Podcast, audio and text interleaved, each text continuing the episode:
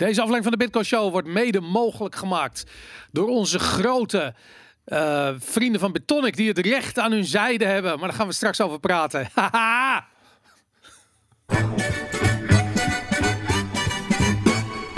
It's the Bitcoin Show with our very special hosts, Aaron, Boris, and Jan Willem. Yay! Jee, Aaron, wat gebeurt er hier? Net vijf minuten voor het begin van deze show open jij je iPad en uh, de uitspraak is binnen. Ja, zullen we daar meteen mee beginnen? Ja, laten we meteen maar, Want we hebben het nog niet gelezen, alleen de kop. Alleen de kop, maar, ja. Zal ik hem voorlezen? Jij lees bent eigenlijk nee, een betere voorlezer, Nee, lees ik, jij maar voor. Moet ik het, het doen? Je hebt hem daarvoor, ja. Oké. Dus de uitspraak van uh, moeten we de achtergrond voor de luisteraars die het niet weten, eh, die, ja, zeker. Die, die, drie die het nog niet weten. Zal ik dat even vertellen? Ja. Um, de Nederlandse bank heeft een uh, dwingende regel opgelegd aan alle cryptobedrijven in Nederland. Dat op het moment dat je Bitcoin, bijvoorbeeld Bitcoin, verstuurt naar uh, individu individuen die een, hoe noem je dat, een, een, nou, een crypto bewaarportemonnee, die dat zelf willen opslaan, dan moeten die mensen bewijzen dat de, het, het, het walletadres waar je naartoe overmaakt ook daadwerkelijk van hun is.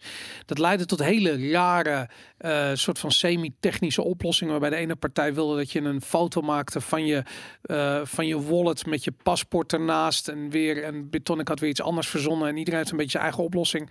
Maar het blijft gaar en pijnlijk. En het voelt aan alsof je te maken hebt met een staat die uh, zijn boekje ver te buiten gaat. En zich gaat bemoeien met de financiële privacy van burgers. Dat willen we niet. Bitonic heeft uh, de Nederlandse bank voor de rechter gedaagd en gezegd van luister, dit gaat tegen alle um, um, ja, eigenlijk richtlijnen in die vanuit Europa komen. Dit is veel te ver, veel te ambitieus. Dit, dit mag niet. En uh, nou goed, de uitspraak is als volgt. Ja, dus dat gaat erom dat uh, er is een registratieplicht, maar Bitonic die zei onder andere van ja, dit gaat veel verder dan een registratieplicht. Het is gewoon een, god, hoe noem je dat nou? Um, Geen idee. Een licentie. Uh, oh, ik dacht dat je de naties erbij wil halen, maar oké. Okay. nee, zover was ik nog niet. Oké. Okay, okay. um, maar maar uh, veel meer details komen straks in een special de Bitcoin Show natuurlijk. Ja. Uh, ik weet niet wanneer komt die online worden. Ook deze week online. Deze... Jan die gaat uh, Simon Lelyveld uh, uitgebreid interviewen. Ja, en Simon is natuurlijk betrokken geweest, nauw betrokken geweest bij die zaak. Heeft hem volgens mij ook gevoerd. Persoonlijk weet ik niet 100% zeker, maar dacht ik, weet ik eigenlijk niet. ja, ja, die zat in de. In de ja, recht, dat, dat sowieso. Maar ik weet niet of hij de advocaat was van. nee, ze hadden ook wel een advocaat. Ja, daarom inderdaad. Ja, nee. Klopt. Dus, Anyways, nu is er dus een uitspraak. Ja. Hij is net binnen. Hij is net van de pers. Wij weten het nog niet, dus ik ga hem nu voor het eerst lezen ook. En ik We ga weten alleen de hard, kop. Ja. We weten de kop. De kop is. Voorzieningenrechter stelt Bitonic grotendeels in gelijk en roept DNB, DNB op eis te herzien. Wow, dus dat klinkt al als goed nieuws. dat klinkt als goed nieuws. Grotendeels in het gelijk. Dan heb ik zoiets van, oké, okay, er is een addertje okay. onder het Nou, vanmorgen heeft de voorzieningenrechter van de rechtbank Rotterdam uitspraak gedaan over de zaak die door Bitonic is aangespannen tegen DNB. In de uitspraak erkent de rechter de bezwaren en twijfels Bitonic... Eh, deze zin klopt niet die hier staat. Dat, ja, ligt, niet, dat ligt niet aan mijn voorlezing. De rechter heeft het hoogstpersoonlijk ingetypt. Nee, dat heeft Bitonic denk ik uh, gepubliceerd. Oh. Ik ga het gewoon voorlezen zoals het er ja, staat. Ja, doe het. In de uitspraak erkent de rechter de bezwaren en twijfels Bitonic over registratieprocedure en rechtmatigheid van de wallet-verificatie eis gesteld door DNB. Oké. Okay.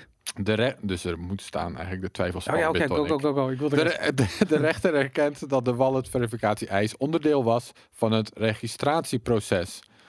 En dat Bitonic daarom in haar volste recht stond om bezwaar te maken tegen deze eis.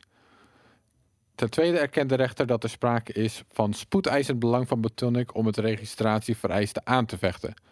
Hoewel de rechter de wallet-verificatie-eis niet per direct opschort, wordt DNB verplicht om binnen zes weken een beslissing te nemen op het bezwaar van Bitonic. Bovendien draagt de rechter DNB op de proceskosten te vergoeden. Uit de uitspraak van de rechtbank Rotterdam vanochtend. En dan komt er een quote. Bij de voorzieningenrechter bestaan echter twijfels of DNB, gelet op de Europese wet en regelgeving, het registratievereiste heeft kunnen uitwerken op de wijze waarop zij dat in dit geval heeft gedaan. De invulling die DNB aan het registratieregime heeft gegeven in het geval van Bitonic lijkt naar voorlopig oordeel kenmerken te vertonen van een vergunningsregime. Dat is het woord waar ik naar. Aha, Vergunning, kijk, ja. licentie. Oké, ik doe deze zin nog een keer opnieuw. Nee, nee, ga door. Ik snap wat er staat. Nu de invulling van de registratievereisten is onderworpen aan een vrij vergaande voorafgaande toetsing. Ja. Oké, snap je het? Ja, ik snap het. Dus eh, eigenlijk is het, eh, het is een beetje goed nieuws en een beetje slecht nieuws. Wat ik uh, eruit opmaak is dat de bitcoin bedrijven in Nederland niet direct afstand mogen doen van het van het hanteren van die regel. Dus ze moeten nog wel wallet verificatie doen. Uh, dat is natuurlijk het hele grote probleem. Dat is waar dit om gaat. Um, ja, dat vind ik vervelend. Want uh, dat uh, zorgt ervoor dat bijvoorbeeld uh, ik persoonlijk liever naar een exchange ga waar ik niet te maken heb met dat soort regelgeving. Betekent dat je een oneerlijke concurrentiepositie krijgt van de Nederlandse bitcoinbedrijven ten opzichte van buitenlandse bitcoinbedrijven. Uh, het is puinop en ellende. En uh, ja, de rechter had hier best wel wat harder in mogen zijn. Um, ja, Bitonic leidt gewoon schade hierdoor. En ik weet wel dat. Ik heb die rechtszaak live gekeken, of in ieder geval stukken ervan. En toen zei de, uh, de recht, rechter op een gegeven moment ook van ja, wat, wat is dan die schade die Bitonic leidt? En dat kon Bitonic niet onderbouwen. En uh, daarop zei Simon van ja, dat is, uh, we hebben dat expres gedaan omdat je anders een discussie krijgt over geleden schade. En ik heb zoiets van ja. Wat meer een principe kwestie is ook. Het, dit is een principe kwestie, ja.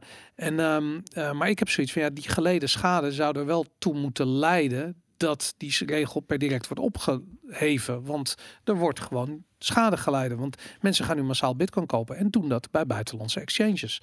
Wat je ze niet kwalijk kan nemen. En dat, um, ja, dat is, dat, dat, dat is vervelend. Ik baal er eigenlijk van. Ik vind de uitspraak niet eens zo heel goed. Niet, het is oké, okay, maar... Het... We, we moeten nog maar even afwachten. Daar ja. komt het ook wel een beetje op neer. Maar in ieder geval proceskosten zijn voor DNB, hè, dat is mooi. Ja, oké, okay, nou leuk. Maar waar, waar dit om Kunnen gaat is iets anders. Uh, dit, dit gaat echt over... Snap ik. Kijk, de Nederlandse bank moet niet de partij zijn die deze uh, registratieplicht uh, afdwingt. En dat is de situatie die nu bestaat. Dat moet stoppen. Nee, dat zeg ik al sinds het begin. Het is alsof je McDonald's de Burger King laat reguleren. Precies dat, ik ja. bedoel, Bitcoin is in concurrentie met de centrale bank. Dat Daarom. moet niet onder de centrale bank vallen als het gaat om uh, dit soort dingen. En verder, ja, ik heb ook zitten kijken. En uh, waar het uiteindelijk natuurlijk op neerkomt, en voor mij hebben we dat ook al wel eens uh, besproken, maar is dat wat de, wat de DNB wil, dat is helemaal niet compatible met Bitcoin. Nee, dat precies. hoor je ook als je die DNB-vlegel hoort onderbouwen waarom ze dit allemaal moeten doen. Ja.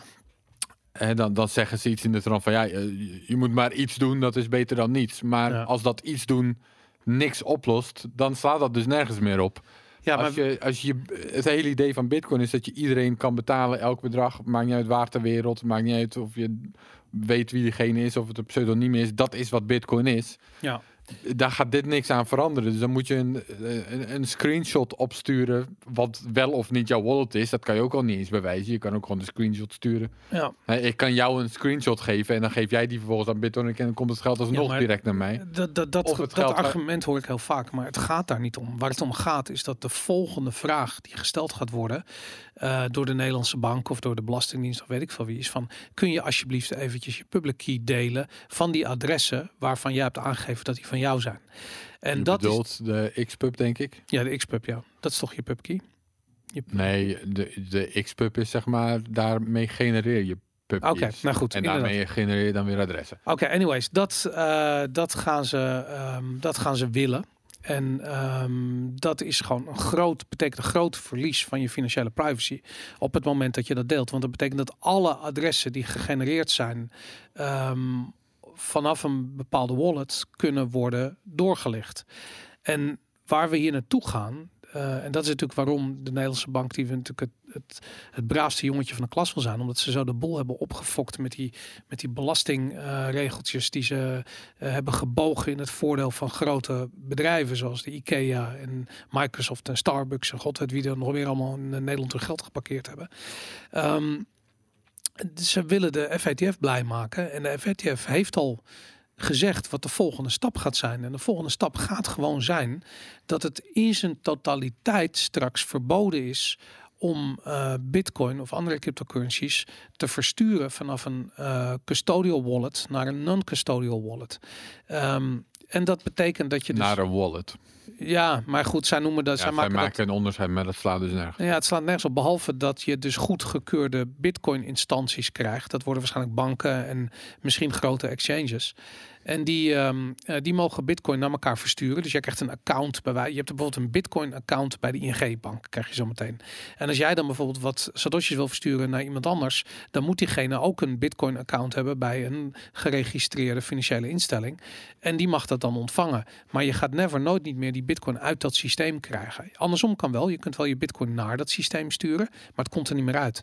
En dat, eh, dat is een groot probleem. Dat, Nou ja, ja, als het al andersom wel kan, dat, dat moet dan ook nog maar blijken natuurlijk. Nee, tuurlijk. Ze willen alle bitcoin binnen dat systeem hebben. Dus dat gaan ze niet. Die, ze, gaan niet de deur, ze gaan niet een muur bouwen waar je niet van de ene kant rent. Je komt er gewoon niet meer uit, maar je mag er wel in. En dat. ehm, ehm, ja, ik denk dat dat vervolgens weer het probleem van fractional reserve banking met zich meebrengt. Eh, en sowieso, dat is natuurlijk echt waar Bitcoin ehm, voor gebouwd is om dat te omzeilen. Dus Maar anyways. even, even, wa- want het is misschien een beetje flauw, maar ik wil even uitleggen waarom ik je verbeter als je zegt non-custodial wallets. Omdat ik vind dat is juist een soort van Ja. linguïstische truc die ze nu aan het uithalen zijn. Alsof dat iets speciaals is. Dat, dat is gewoon een wallet. Precies. Dat is net als je wallet. Dat, Ja. dat heb je bij je. Dat is wat het is. Ja. Een custodial wallet, dat is het gekke eigenlijk. Dat je je geld aan iemand anders geeft om het dan maar voor jou te bewaren. Ja, Maar daarom vind ik dat we dat soort taalgebruik niet moeten gaan gebruiken. Ja. Dat, dat, dat moet, ik ga niet mee in de term non-custodial wallet. Was Ja. voor iets gek. Nou goed, je, je hebt ook gelijk. En het, ehm, ehm, wa- waar ik heel erg mee zit, is dat, eh, of er mee zit, weet, weet ik ook niet. Ik bedoel, we hebben natuurlijk ehm, ook bijvoorbeeld in de in, in podcast, bijvoorbeeld met Willem Middelkamp is een goed voorbeeld. Die zei op een gegeven moment ook van, het is zo opvallend dat die centrale banken de, de strijd niet zijn aangegaan met Bitcoin. En ik had dat zoiets van, ja, dat moet nog komen. En dat gaat ook nog komen. En dit is hoe het begint. Dit is hoe het eruit ziet. En het wordt nog veel erger. Ehm, en ik denk uiteindelijk dat Bitcoin gaat winnen. Want dat zie je bijvoorbeeld ook al gebeuren in Nigeria. Op het moment dat Bitcoin daar verboden wordt, tussen aanhalingstekens. Dan eh, zie je dat het gebruik ervan eh, gestimuleerd wordt. Want iedereen heeft zoiets van: oh ja, waarom is het verboden? Welk probleem lost het op? Vervolgens zien ze wat het kan. En klaar, over en uit. Weet je, ik bedoel, als mensen eenmaal dat idee eh, hebben ervaren, dan gaan ze dat niet meer kwijt kunnen. Je gaat dat gewoon gebruiken. En het valt niet te reguleren. Het valt alleen maar te reguleren binnen die, die, die financiële instellingen die meedoen met de Nederlandse bank. Het valt niet te reguleren daarbuiten. Dus dat betekent dat we straks een, ja, we gaan gewoon een hele nieuwe generatie aan eh, decentralized exchanges krijgen. We gaan eh, peer-to-peer transacties krijgen. Met ook alle problemen van dien. En de Nederlandse bank heeft dat mede gecreëerd.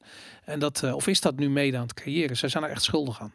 En ja, dat, nou, er zijn twee dingen natuurlijk die tegelijk waar kunnen zijn. Dus ten eerste kan het zo zijn, dat denk ik ook wel, dat Bitcoin het uiteindelijk wel wint, Mhm. overleeft, dat, dat het wel redt.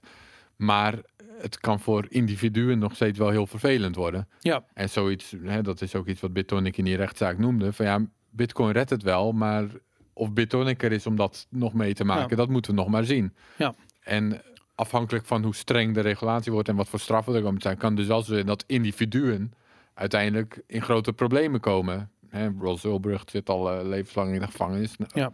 Ook eh, als een soort van voorbeeld. Dat zou natuurlijk kunnen dat Bitcoin, dat mensen die Bitcoin exchanges runnen of Bitcoin überhaupt gebruiken of Lightning nodes, weet ik veel wat voor voorbeelden, weet ik veel hoe streng ze het willen worden, ja, gaan worden. Dat voor individuen wel heel vervelend kan worden, ook al redt Bitcoin het uiteindelijk wel. ja, En, dan, en dat kan ook nog best wel lang duren. ja. Eh, de, de, de strijd om persvrijheid heeft honderden jaren geduurd. En is nog steeds bezig. Dat houdt nooit meer op. Nou ja, precies. De- dat gaat dus en met- dat, is ja. volgens- dat is ook een quote van Satoshi, hè, dat eh, Bitcoin opens up a new struggle for freedom. Oké. Zo'n quote is het voor mij. Ik, weet, ik zeg het eigenlijk niet helemaal goed. Opens up a new, eh, nou ja, in ieder geval. Ja, nou, het is interessant. Eh, aan de andere kant, en dat vind ik heel interessant, is eh, Bitcoin ook een oplossing voor problemen die we steeds meer zien. En ehm, ehm, ik zag even iets voorbij komen, als artikel in de Wall Street Journal. Ehm, die hebben een artikel geschreven over de Chinese eh, cyber yuan, zoals die munt dan heet. Een soort van hun central bank digital currency. En ehm, dat is natuurlijk een of andere loftrompet wordt er gespeeld. Omdat natuurlijk de Wall Street Journal is gewoon een, eh, een pro-China eh, pamflet. En in, die, eh, in dat artikel staat letterlijk omschreven, namelijk een van de, ehm, een van de, eh, eh, hoe noem je het, een van de functie, functies van die, van die digitale currency van, van China. Ehm, en het blijkbaar heeft Peking getest op het ehm, op een of andere manier laten verlopen van fondsen die in je wallet zitten. Dus met andere woorden, je wordt gedwongen geld uit te geven, anders verlopen de, de currencies die erin staan. Ehm, Ja. En dat, eh, wat, waarom doen ze dat? Omdat op dit ogenblik geld niet de reële economie raakt. Inflatie gaat niet hard genoeg omhoog in de reële economie. De schulden kunnen niet meer terugbetaald worden. Inflatie moet omhoog. Dat geld moet de reële economie in. En ze gaan je gewoon dwingen om het uit te geven. Dus dit gaat gekoppeld worden zometeen aan een soort van eh, eh, basisinkomen setup. Je krijgt zometeen, weet ik veel, een vast bedrag eh, in de maand gestort op je digitale ECB-wallet. En als je daar... ehm, en er zitten ging allerlei voor. China, toch? Ja, het gaat, maar wij gaan exact hetzelfde doen. China loopt gewoon voorop. Wij gaan exact hetzelfde doen. En, dat, eh, eh, en er gaan allemaal voorwaarden aan zitten. Dat betekent dat je zometeen, eh ja, weet ik veel, het uit moet geven. Maar ook als je bijvoorbeeld niet je, je vaccinatie haalt, dan krijg je misschien niet het geld wat je, wat je anders wel zou krijgen. Of weet ik veel, misschien heb je je hypotheek niet op tijd betaald, weet ik veel. Gewoon het social credit system wat je in China hebt, dat gaan we straks hier ook krijgen. Denk je? Oké, Yep. nou, ik ben benieuwd. Ja, nou ja, goed, ik, ik roep het al een tijdje. En eh, eh, dit is iets wat nu in China. eh, ze zijn daar gewoon het vers. Ze zijn de eerste grote economie die een central bank digital currency uitrolt. Hoe heet ze? Christine Lagarde heeft gezegd dat wij over vier jaar zoiets mogen verwachten. Mijn hoop is dat Bitcoin in die vier jaar tijd exponentieel veel verder is dan nu. En dat zal ook wel gebeuren. Ik bedoel, nieuwe technologieën, maar ook zoals Taproot bijvoorbeeld, maar ook. ehm, Ehm, gewoon heel plat de prijs van Bitcoin zorgt voor meer adoptie, zorgt voor meer Bitcoin-bezitters. We hebben nu een kleine miljoen eh, crypto-bezitters in Nederland. Ik weet niet hoeveel daarvan Bitcoin-bezitters. kom je aan dat getal? Ja, dat werd gedeeld laatst in onze, in onze Telegram-groep. Maar ehm, Lijkt Ja. me een hoge schatting. ja, nou ja, goed. eh, Wat het ook mogen zijn. Ik hoop dat het nog veel hoger wordt de aankomende vier jaar. En dan, eh, dan hebben we hopelijk eh, ehm, ook wat politici die Bitcoin omarmen. Op dit ogenblik is dat eh Ja 21 Forum en ehm, de LP natuurlijk. zijn de drie partijen die een beetje pro-Bitcoin zijn. De rest is... Ja, Cherry is ook pro-idea of zo, zag ik. eh, nee, hij snapt gewoon niet wat hij... aan het promoten. Nee, nee, nee. Dat Wat was, nee? het was geen shitcoin. Het was gewoon... Hij zei van, het is een goed idee. Nee, hij was een heeft- shitcoin aan het promoten. Nee, nee, nee. Jawel, man. Nee, hij, hij, hij, Dat hij- is een shitcoin, volgens mij. Nee, het is geen shitcoin. Hij, hij dacht gewoon grappig te zijn. En heeft dat, dat dingetje van dollarteken idea had hij, had hij gebruikt. Ik heb de tweet gezien in ieder geval. Maar, ehm, maar goed, weet je, dat... eh, ehm, ja, ik hoop dat er meer politieke druk komt om bitcoin te beschermen. Dat hebben we echt nodig namelijk. Goed, zullen we even beginnen met de huishoudelijke mededelingen? Eh, om te beginnen, eh, onze website www.debitcoinshow.nl. We hebben een Telegram groep t.me slash de Bitcoin Show. Twitter, at Show kun je ons volgen. We zitten ook op Reddit, r slash de Bitcoin. Op Mastodon, at de at bitcoinhackers.org. Eh, je kunt ons e-mailen op hello at thebitcoinshow.nl. En als je dit kijkt op YouTube, vergeet niet, dit is ook een podcast. Je kunt hem in podcastvorm luisteren. Bijvoorbeeld via het podcast 2.0 platform van Adam Curry. En als je bijvoorbeeld de Breeze Wallet gebruikt om je podcast te luisteren, dan kun je Satoshi streamen als je dat wilt. Hoeft natuurlijk helemaal niet. eh, voor het luisteren naar de Bitcoin Show. En dan zijn we je heel erg dankbaar. Ehm, oh ja, en kijk je op YouTube, dan vergeet niet te liken en te subscriben. Duimpje omhoog, je weet zelf. Dankjewel, topper. Goed, Goed. laten we verder gaan. Ik had, ehm, eh, ik heb deze eh, eh, show Bitcoin Wappies genoemd. En dat kwam om het volgende, Aaron.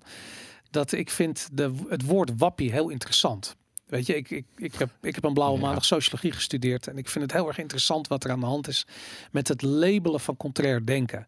En ehm, dat is niet nieuw, hè? dit is van alle tijden. Dus ehm, eh, alle grote denkers in de geschiedenis zijn eh, vervolgd of weggezet als wappies. Ik, ik laat je uitspreken, maar... Oké, mooi. Ja. En ehm, eh, hetzelfde zie ik nu gebeuren met Bitcoin. Dus je ziet mensen op Twitter, met name mensen die niet of juist heel erg diep in het eh, traditionele financiële systeem zitten. Of bijvoorbeeld, we zagen Hans de Geus natuurlijk altijd lachen. De, eh, hoe heet het, de RTLZ-presentator voorbij komen. Die eh, al zijn item begon met een diepe zucht, want het ging weer over Bitcoin.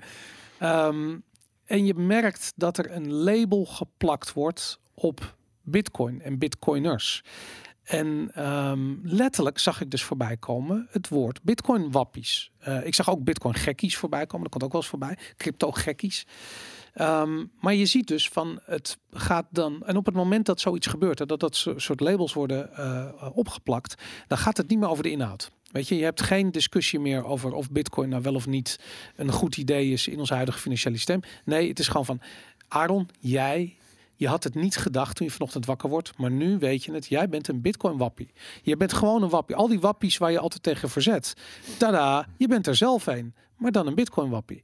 En dat betekent dat je ehm, ja, gelabeld wordt als iemand die eh, dom of simpel is, of weet ik wat. Terwijl het tegendeel is waar.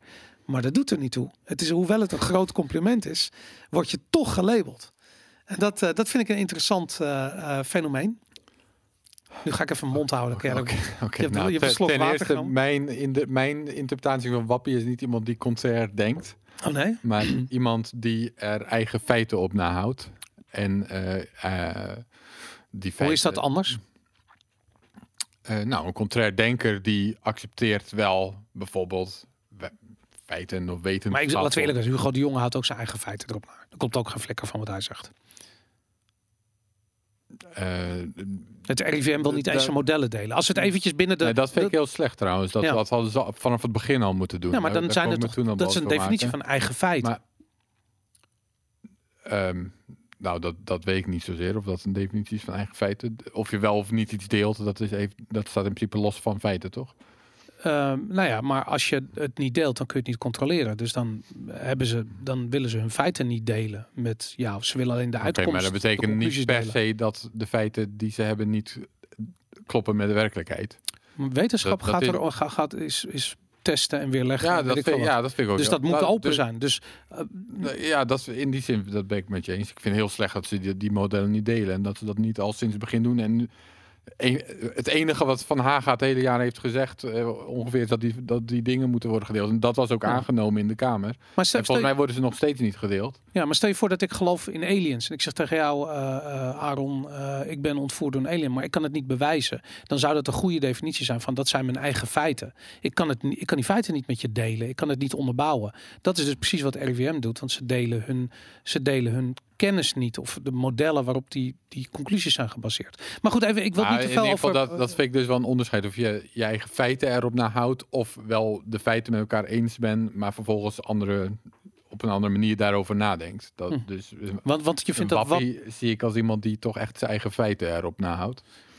Eh, en wat zei je? Je zei nog iets waar ik op in wil gaan. Daar moet ik voortaan uh, met pen en papier. Dan kan ik een beetje meeschrijven terwijl je. Nee, joh, kom op, zo- het is niet zo ingewikkeld. Maar, de, maar, maar de, oké, je zegt eigen feiten. Ik, ik weet het niet. Eigen feiten. eh, kijk, uiteindelijk alles is een discussie.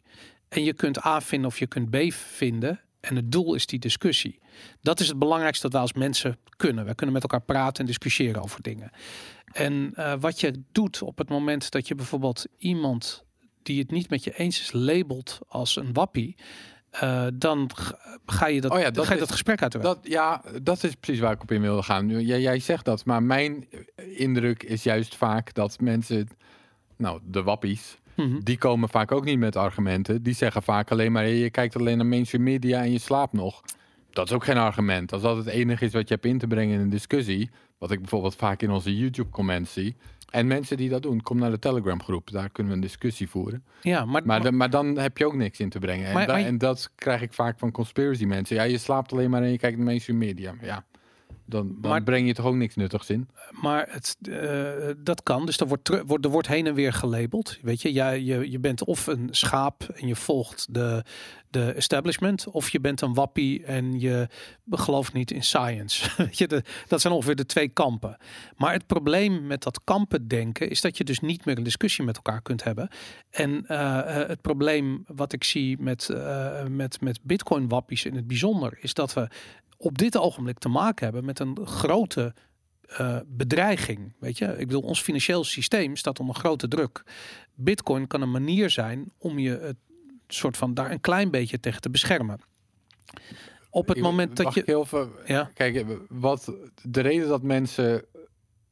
Je kunt een discussie voeren op het moment dat je in ieder geval de feiten met elkaar eens bent. Van nou, dit, dit, is ongeveer, dit zijn ongeveer de feiten. Dit is wat, waar de wetenschap een beetje op uitdraait.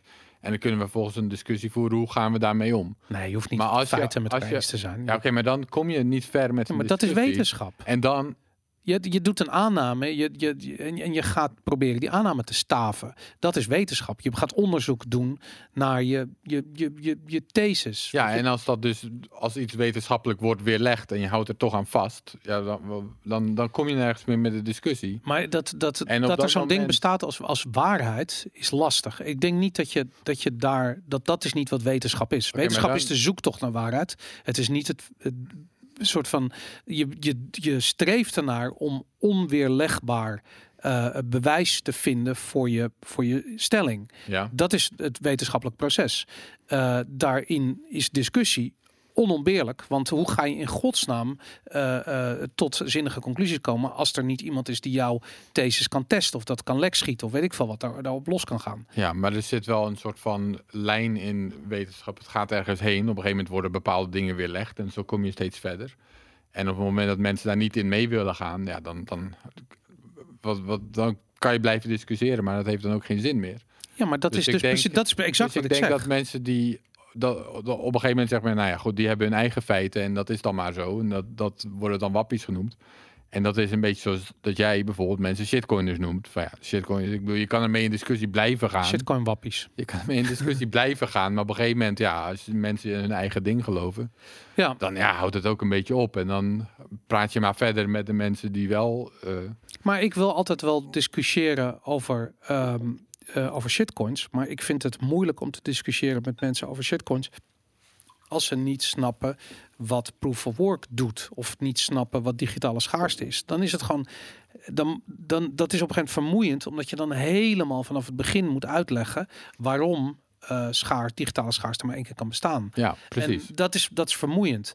Eh, ehm, als je het hebt over bitcoin-wappies, wat eigenlijk gaat, want dat vind ik namelijk sowieso in de hele wappie-discussie. Mensen zijn altijd geïnvesteerd in een bepaald onderwerp. Weet je, ik zeg maar wat. Weet je, het kan heel plat zijn dat jij, eh, of niet jij, maar dat iemand geld verdient eh, in de farmaceutische industrie en daarom een belang heeft bij het narratief van de ene kant van het verhaal. Eh, hetzelfde kan met de, als jij in de financiële weer, weet ik veel, als je bij de Nederlandse bank bent, ja, en daar werkt en je geld verdient, dan is het logisch dat je niet gaat roepen dat de Bitcoin-revolutie een goed idee is. Dat snap ik ook wel. Maar eh, die discussie moet gewoon plaatsvinden in een soort niemandsland daartussen. En als iedereen die daar eh, eh, bezig is met die discussie van een afstandje vanuit die, die burgte aan beide kanten bestookt wordt met, met oordelen en labels, wordt het heel lastig om nog te discussiëren. Want er wordt altijd eerst gekeken van, oh, maar dat is een wappie. Weet je? En dan wordt er niet geluisterd naar bijvoorbeeld een briljant betoog van een bitcoiner bijvoorbeeld. Eh, hetzelfde geldt misschien wel eh, over en weer. Dat je zegt van nou, ik luister niet naar Christine Lagarde, want dat is een, dat is een mainstream establishment wappie. Weet je, dat is zo'n zo'n debiel die gelooft in, de, in inflatie. Ehm, aan de andere kant, ja, weet je, wat ze zegt is wel degelijk interessant, omdat het alleen maar de wereld ehm creëert waar we in leven. Dus ik, ik heb gewoon een groot probleem met, die, met, het, met dat label wappie. Eh, ook omdat voor mij is het wel degelijk contrair denken. Het is namelijk op het moment dat je iets ongemakkelijks eh, eh, aansnijdt, is het makkelijk om iemand weg te zetten en te labelen dan om er inhoudelijk op in te gaan. Ja, tuurlijk. Maar, maar het gaat niet zozeer om dat label. Het gaat er ook om dat, wat jij zegt, dat je altijd maar moet blijven praten. Terwijl op een gegeven moment ben je ook een beetje uitgepraat. Op een gegeven moment, nou oké, we zijn dingen met elkaar oneens. We zien de feiten anders. Ja, dan, wat wil je dan nog? Dan, dan kom je ook niet meer verder, denk ik. Nee, maar je moet het wel. Kijk, dat is wat Bitonic dan nu aan het dan doen kan je is. voor altijd blijven praten. Dat Ja, maar is- de, de DNB is opgehouden met praten met Bitonic. Nou, dan ga je naar de rechter, omdat eh, en de, de Bitcoin-wappies van Bitonic zijn dus in het gelijk gesteld voor een groot gedeelte. Ehm, maar ehm, de, de inflatiewappies van de Nederlandse bank zullen ongetwijfeld een andere manier verzinnen om hun eh, scenario, om hun agenda door te drukken. En dat is het vervelende van. Ja, eh, laat ik een ander voorbeeld nemen. Zoals bijvoorbeeld, want ik heb in Bitcoin, in de, ten tijde van de block size eh, wars, hebben we, hebben we ook meegemaakt dat er op een gegeven moment een groep contrair denkers, zoals je dan noemt, Mhm. dat waren dan de big blockers bijvoorbeeld, die zeiden dat een hardware fork nodig was en dat Segwit, eh, dat was eh, Ja. een groot probleem. En eh, ik bedoel, dat waren in principe contrair denkers op een gegeven moment binnen Bitcoin. Alleen, ze hadden wel gewoon ongelijk en het sloeg nergens op wat ze zeiden. Alleen, dat, er komt nooit een punt dat ze dat toegeven. En op een gegeven moment, ja, je moet toch verder. Maar Dus dude, dat gaan vind ik een schitterend voorbeeld. Want het, wat, het heeft Bitcoin veel en veel en veel sterker gemaakt. Die discussie is fundamenteel. Dit gaat de geschiedenis in als de meest fundamentele, eh, misschien na het verschijnen van een whitepaper, f- eh, fundamentele fase die Bitcoin heeft doorgemaakt. Daar is Bitcoin het project geworden wat het vandaag de dag is. Daarvoor was het echt wezenlijk wat anders. Ik bedoel, het was natuurlijk hetzelfde project. Maar het was ik, ik kan me nog goed herinneren hoe onzeker ik was over de uitkomst van die, eh, eh, van die hele Segwit-activatie. En dat, Maar, maar het punt wat ik wil maken is dat we hebben toen ook bijvoorbeeld conspiracy theories zien ontstaan. Ja. Namelijk de, hè, de Blockstream conspiracy theory en de Bitcoin Core conspiracy theory. En ze wouden alleen maar Segwit omdat eh, ze zouden daarvan gaan profiteren. En AXA zat erachter. En dat is echt, dat waren daadwerkelijk... tot op de dag van vandaag hoor je dat ik, nog wel ik eens. was onderdeel van die conspiracy theory soms. Ja. Ik, Ja, weet wel, helemaal mijn, mijn artikelen werden geschreven door Greg Maxwell of weet ik je veel. bent een lizard person. Precies, dat soort dingen zijn daadwerkelijk. Dus ik heb dat vanuit eerste rang gezien, Ja. hoe dat soort dingen ontstaan en dat het gewoon niet waar is. En ja, op een gegeven moment moet je toch door. Kan je niet alleen maar in discussie blijven daarmee. Op een gegeven moment, ja, dan gaan we USF doen of dan gaan we. Maar, We, we moeten wat. We- Maar wat het- klopt niet wat jullie zeggen. maar uiteindelijk komt de waarheid boven. Als je kijkt naar de geschiedenis, eh, weet ik veel, toen ze zeiden dat de aarde plat was. Nou ja, er zijn nog steeds. Roger Ver die roept nog steeds. Ja, volgens mij dat het allemaal blockstream is en dat het allemaal dat soort dingen zie je nog steeds. Ja, op een gegeven moment moet je toch maar zeggen. Jullie geloven dat en jullie gaan met Bitcoin Cash jullie ding doen. En Ja, maar en dat, dat, is, dat staat ze vrij. En dat is het mooie ervan, dat dat ook gebeurt. En je ziet dat hem in de markt zie je gebeuren. Zie je het, het bewijs geleverd worden. Dus dat is het mooie aan theorie. Ik bedoel, wat dat betreft, dat vind ik interessant. Kijk, aan de ene kant, je hebt natuurlijk hele theoretische wetenschappen. En je hebt ook gewoon engineering. En Bitcoin heeft een klein beetje van alles weg. Maar eh, als jij een discussie hebt over welke raketmotor het beste werkt. En je bouwt twee raketten, de ene met één techniek, de andere een andere techniek. De waarheid zal eh, aan het licht komen. Inderdaad, nou, En dat, dat is hier ook een mooi voorbeeld. Ja, Ja, dat, dat- dat, is hoe ik het toen ook beschreef volgens mij. Van ja, jullie willen per se jullie eigen raket bouwen zonder Ja. raketwetenschappers. Doe dat. Nee, Veel nee, nee. plezier nee, nee, maar ze zijn raketwetenschappers. Ik bedoel, ze, ze hebben dat gebouwd vanuit hun eigen gedachten. En die raket kwam gewoon, de dam ging niet uit. En dat is prima. Dat is juist fantastisch. Want het laat alleen maar zien hoe goed die Bitcoin-raket is op dat ogenblik. En hetzelfde heb ik namelijk met, met eh, eh, de discussie, of het label van de Bitcoin-wappers en de discussies tussen aan de ene kant de Bitcoiners, aan de andere kant de, de, de, de, de ja, hoe, hoe zal ik het noemen? De, de, de financiële establishment, ja, de fiat head, zoiets. Fiat Brains. Maar noemt, eh, dat we daar nu zijn, hè? Dat, we- dat, we, dat we vier jaar geleden aan het discussiëren waren over eh, met big blockers. Nu zijn we aan het discussiëren met centrale banken. Daar zijn we al. Ja, toen ook wel, maar steeds meer inderdaad. Maar dat het is is wel duidelijk waar nu de... waar het heen gaat. Ja. Ja. Nou goed, anyways. Maar de, die discussie is wel extreem belangrijk. En eh, wa- waar ik gewoon een probleem mee heb, is dat met het label van Bitcoin wappies, dat je zet me een berg kennis aan de kant. Dat slaat helemaal neer. Ik bedoel, als je serieus en het, het, eh, het grappige was dat het, eh, de, de persoon die dit zei, was iemand die die post waar we het zo over gaan hebben over ING online zette. Dat was een Nederlander die in Amerika werkt, volgens mij voor, voor, eh, voor Amazon of zoiets, of voor Facebook, weet ik veel. En eh, die zei van ja, grappig dat er voornamelijk crypto-wappies reageren op mijn, ehm, op mijn post.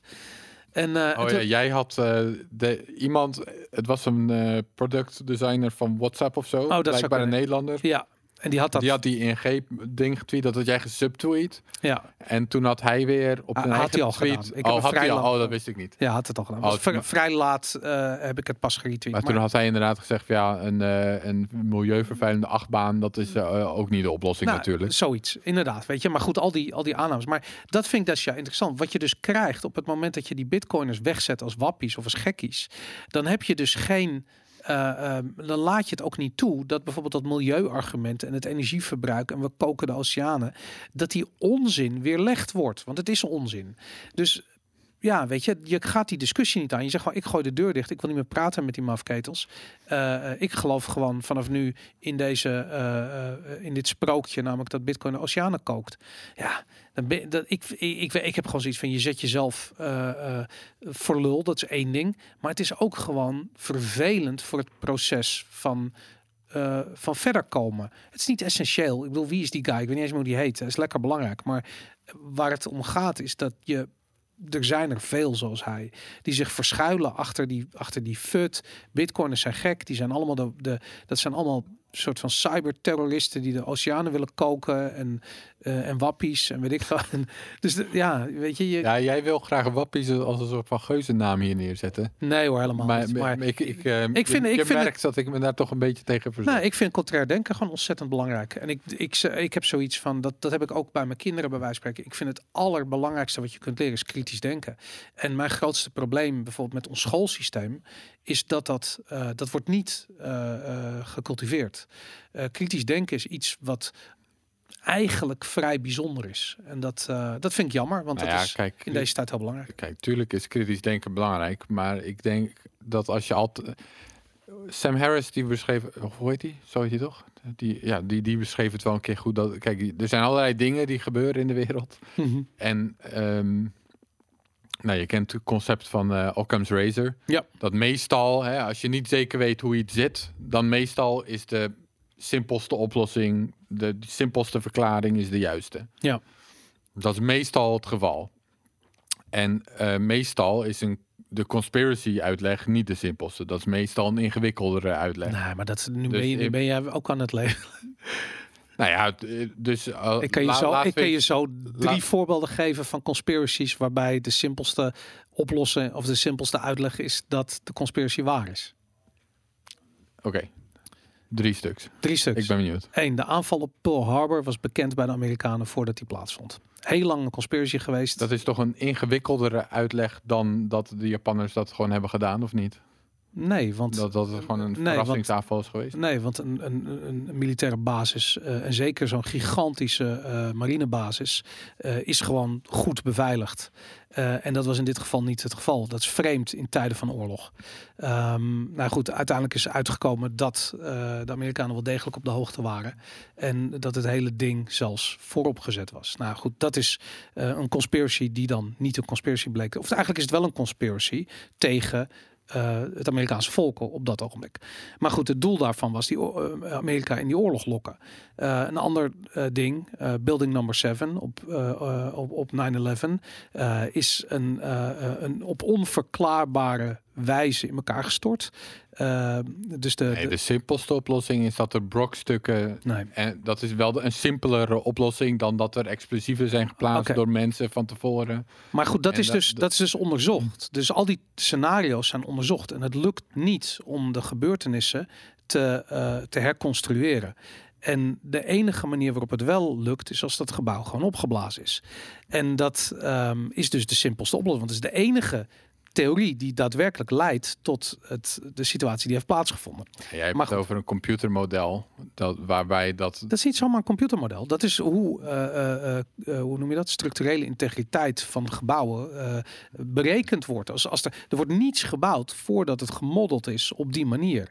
En dat, dat is heel veel werk. Daar Gewoon, ze- gewoon over het algemeen is het toch zo dat de simpelste oplossing is dat de brokstukken tegenaan zijn gekomen en dat het wankel is geraakt en dat het op een gegeven moment is ingestort. Het lijkt me een simpelere verklaring. Ja, maar dat, is, maar dat, is, dat heeft niks met de werkelijkheid. Dat, is niet, dat ziet er niet zo uit. Dit is niet een gebouw wat ingestort is. Het is een gebouw wat rechtstandig in de, in de aarde verdween. Dat is niet brokstukken die erin vallen.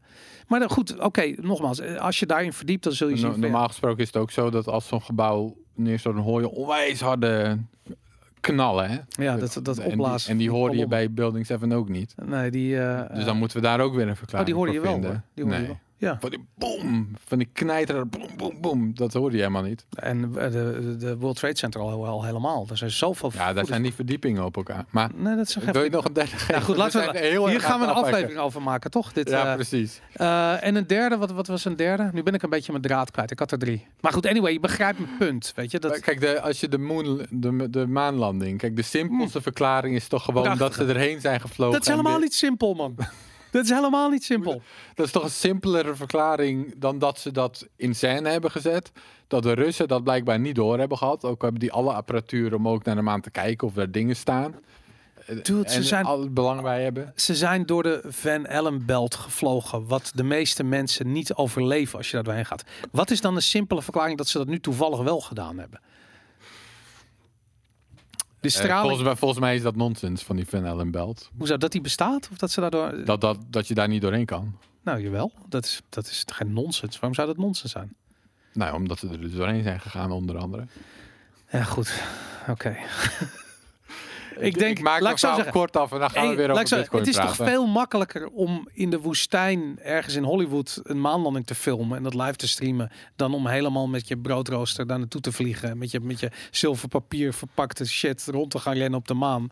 Dat is toch helemaal niet vanzelf. En Nee, als dat moeten dus gedaan allemaal hebben, mensen dat in ieder geval verzwijgen. Dan moeten de Russen dat niet doorhebben. Ook al hebben ze er alle belang bij om dat wereldwijd bekend te maken. Van ze zijn er helemaal niet geweest. Wij kunnen naar de maan kijken en we zien dat daar niks staat. Mhm. Ehm, ja, eh, ik denk dat de simpelste verklaring is, ze zijn er geweest. Maar mijn, ik ga mijn punt heel snel afmaken. Kijk, er zijn dus allerlei dingen. Je kunt Occam's Razor erop toepassen. En dan kan je kijken, oké, wat is de simpelste verklaring? Mhm. En dan de simpelste verklaring is meestal ongeveer wat we kennen.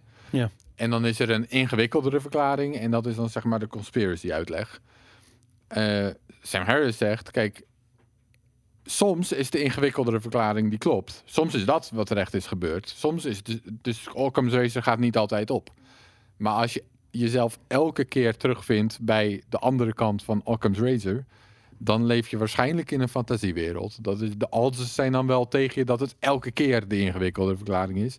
En dat elke keer de conspiracy. Ik de- vind- de- Ik- dus ik- het kan een keer kloppen. hè? Dus kies er één of zo. Maar hè, als er een, is een keer iets is waar je toevallig verstand van hebt. Of, maar als je elke keer jezelf aan de andere kant vindt, dan, dan is- zijn de odds wel tegen je. Maar ik denk niet dat er mensen zijn die zich elke keer aan dezelfde kant vinden. Ik denk gewoon dat op het moment dat je je gaat verdiepen in een onderwerp, zie je dat dingen gewoon veel genuanceerder zijn. Veel ingewikkelder zijn dan het lijkt. En als jij zegt van ja, dingen je- zijn simpel, dan dat, dat zegt maar één ding. En dat is van oké, dan heb je er niet eh, eh, eh, genoeg tijd in gestoken om het onderzoeken. En dat is precies wat er met Bitcoin aan de hand is. Dus namelijk exact wat al die fiat heads met elkaar gemeen hebben, is dat ze nooit echt research naar Bitcoin hebben gedaan. En dat is, dat is wat ik er zo typisch aan vind. Bitcoiners hebben onderzoek gedaan naar Bitcoin. En vaak in het begin, weet ik veel, misschien gewoon naar de number go up technology, misschien naar de technologie erachter, misschien nog zelfs naar, eh, eh, weet ik het, de, het financiële systeem en dat soort dingen, macro-economie, bla bla. En ga zo, je kan het zo groot maken als je wil. In Bitcoin-land wordt, zijn dat de onderwerpen die onderzocht worden. En vervolgens zit er iemand die nergens verstand van heeft, die fucking bij in Silicon Valley werkt, die kijkt en die heeft zoiets van, ze koken de oceanen, dat is de simpelste oplossing. Dus daarom heb ik gelijk, want ik zit aan Occam's, Occam's Razor. Nee, de realiteit Precies. Soms klopt Occam's Razor niet. Dat is precies mijn punt. Ja, maar, Maar het valt jezelf- of staat met het doen jezelf- van onderzoeken naar het Ah, onderwerp. Ja, tuurlijk. Maar als je jezelf terugvindt bij de maanlandingen is nep en 9-11 was een inside job. Hoe en, weet jij dat en nou? de Weet je? Trump-verkiezingen waren eh, vals. En de aarde is hol. En de, weet je wel, als je jezelf steeds Ja, maar- aan die kant Maar dat, dat ga je krijgen. Dat je dus al die onderwerpen op één hoop gooit. En dat is exact het probleem met het Wappie-label. Een soort van, oké, je zult wel alles geloven. Eh, en ik denk gewoon van, ja, weet je, dat hoeft helemaal niet. Weet je, ik bedoel, hetzelfde als dat mensen die bijvoorbeeld geen experimenteel vaccin willen hebben, als anti-vaxxers worden weggezet. Het is toch raar? Ja, maar oké, maar dat vind ik dan. Dat, nu, nu hebben we het er toch over. Kijk, dat vind ik dus ook interessant dat mensen die meegaan in conspiracies, Mhm. die vinden andere mensen die dan verder gaan in conspiracies weer dom. Of Ja, je dat- wat de Hollow Earth jij weer niks bijvoorbeeld, denk ik. Ik, ik, maar ik heb serieus nog nooit met een seconde in verdiept. Ik heb geen idee waar je het over hebt. De Hollow Earth. De hollow earth. De aarde is hol. Ja. Maar ik, Oké, waarom niet? De aarde is hol. maar ik sta ervoor open. Vertel me dat de aarde hol is. Maar dat, dat bedoel ik, weet je. Soort van, het gaat erom van, oké, je hebt gewoon heel veel mensen en die hebben zoiets van, wacht, het officiële narratief vanuit de establishment zegt van, de aarde is niet hol. Dus de aarde is niet hol. En ik heb gewoon zoiets van, oh ja, is de aarde hol? Interessant. Vertel me. Nou, oké, laat me. Ja, tuurlijk, dat heb ik ook. Maar ik kom er dan vaak achter dat het toch niet helemaal Dat klopt. de aarde niet is. Ja, Ja. graaf in de tuin. Laat ik een één voorbeeld. Ik vind nu ook gewoon, we gaan er nu over door ook even. Dus 9-11, kijk, er Mhm. zijn, eh, want daar zit, heb, heb je allerlei graduaties. eh, graduaties is dan. Graduaties. Van, Dat is vanaf nu is woord. het een Nederlands woord. Graduaties. Kijk, dus je hebt zeg maar. De, de, de hele light versie van de conspiracy is bijvoorbeeld. Nou, de Amerikaanse overheid wist dat er iets stond gebeuren. En ze hebben even weggekeken. Ja. En dan heb je zeg maar, dat gaat dan gradueel. Ik heb de aflevering Helemaal- Bitcoin Wappie graduaties genoemd. helemaal door naar. eh, het is allemaal. eh, het, is- het is 3D-animatie. Die, die heb je ook. De, de- Ja. Wat we hebben gezien is helemaal niet eens echt. Het is Is dat allemaal. zo? Dat heb ik nooit gehoord. voor, voor mij gaat het zo ver door, zeg maar. Dat, dat is de andere kant van het uiterste. En dan zit dan een heel, heel spectrum van wat er dan niet klopt tussen. En dan vraag ik mij af, oké, jij trekt hier bijvoorbeeld, want jij denkt niet dat het 3D-animatie is wat we hebben gezien. Maar, Nee. maar Ze denk, zijn toch weg, die torens? nou ja, precies, dat lijkt, ik ben met je eens hoor. Ik ben gaan Dat kijken. Ze waren weg. Dat is mijn punt. Ehm, maar dan heb je bijvoorbeeld ook eens sommige mensen denken, ja, het waren wel echt vliegtuigen of het waren drones. En, en er zit, er zit allemaal zo'n. Mensen leggen op verschillende plekken de grens van waar hun conspiracy dan begint. Ja. En waar anderen dan hun conspiracy Maar beginnen. kijk, de, de- het probleem met 9-11 is dat het is zo En- een groot onderwerp. En maar, er is maar zoveel... maar heel veel om mijn punt af te maken. Dus als iemand tegen jou zegt, ja, het is, het is helemaal niet echt gebeurd, het zijn allemaal 3D-animaties. Mhm. Dan denk jij misschien van diegene, ja, dat is een, dat is een wappie. Terwijl, Nee hoor. Dan heb ik zoiets van, hoe kom je erbij dat dat Nou ja, 3D-animaties zijn? ja, oké, maar inderdaad. Jij, Ik heb nog nooit iemand dat je je zegt, verzint het ter plekke. Er is er niemand die zegt dat het 3D-animaties zijn. Dat heb Nou, ik die heb ik wel gehoord hoor. Ja? Ja, ja. Eh, er zijn mensen die denken dat de aarde hol is. Er zijn mensen die allerlei gekke, Nou. tenminste in mijn ogen dan dus gekke dingen denken. Ja. En dat het 3D-animaties zijn, die, die is er ook wel. Hm. Eh, en, dan, heb- en je hebt dus, me, dus er zit een heel spectrum aan wa- hoe ver de conspiracy precies gaat. En jij legt ergens de grens en ik leg ergens anders de grens. Ik zou zeggen, op, op het er, in, in het ergste geval wist de Amerikaanse overheid iets meer dan dat ze naar buiten hebben gebracht van tevoren. Misschien. Dat is zeg maar waar ik dan de grens leg. En dan is het interessant, waarom leggen we die grens op andere plekken? Ja, maar dat heeft toch met onderzoek En- te maken. Dat is hetzelfde als met Bitcoin. Op het moment, je begint toch niet dat je denkt van Bitcoin dat is de oplossing voor elk probleem zonder dat je er iets van af weet. Dat is toch een soort realisatie die komt naarmate je meer onderzoek gedaan hebt. Ja, oké, maar dan ga je er dus meteen vanuit dat jij meer onderzoek hebt gedaan dan ik bijvoorbeeld. Nee, het is gewoon dat ik op een gegeven moment met wat ik heb ontdekt uit het onderzoek doen naar, naar, naar Bitcoin, ben ik tot de conclusie gekomen, bijvoorbeeld dat inflatie niet eh, per se een goed. ehm, eh, een goede manier is om, eh, om de economie aan te wakkeren, bijvoorbeeld. Nou, dat zijn, dat zijn van die dingen. Ik bedoel, had me dat, weet ik veel, tien jaar geleden verteld. En ik had echt zoiets van, waar heb jij het nou weer over? Weet je, omdat ik me er niet in verdiep had. Dus, en als jij zegt van, nee, inflatie is wel een goede manier. Nou, oké, dan neem ik dat serieus. Want ik heb zoiets van, oké, daar zal je wel onderzoek naar hebben gedaan. En dan ver- vergelijken we de bronnen met elkaar. En eh, als jij dan vervolgens komt met, eh, weet ik veel, een website waar ook eh, alien abductions op staan. En weet ik van, heb ik zoiets oké, ja, misschien is dit niet helemaal een bron die ik serieus neem. Maar ehm, ja, weet ik veel. het, het, het gaat toch uiteindelijk om dat onderzoek. Het gaat gewoon om wat is de kwaliteit van het onderzoek wat je gedaan hebt. En dat heeft met persoonlijke verantwoordelijkheid te maken. En je kunt daar niet een, je kunt daar niet een label op plakken en zeggen van nou ja, jij hebt eh, eh, per definitie slecht onderzoek gedaan, want je bent een wappie. Zo werkt het niet. Nee. Ehm, Oké, we zijn terug bij Bitcoin. Ja, Bij- als het om, kijk, als het om Bitcoin gaat, er zijn verschillende economische scholen, economische ideeën. ja. En binnen sommige van die economische scholen klopt Bitcoin helemaal. Dus het is heel logisch dat zoiets kan. En, en die denken, hè, de Austrians zijn het meest obvious voorbeeld. Hoewel zelfs Austrians, daar kan je alweer onderscheid maken tussen eh Austrians die de regression theorem Ja. nou, harder, als een hardere waarheid zien dan anderen. En dan, dan krijg, krijg je daar weer een soort van onderscheid. eh. Mhm. Er wordt ook wel eens gesproken over crypto-Austrians tegenwoordig. Oh ja, tof.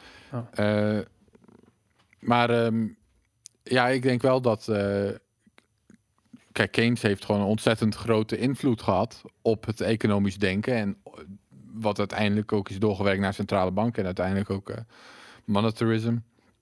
En ehm, ik denk dat veel van die ideeën niet kloppen. En die zijn nu zo wijd verspreid dat je inderdaad eh, ja, heel erg contrair bezig bent als je ze niet meer gelooft. Ja. En als je dus met Bitcoin bezig bent.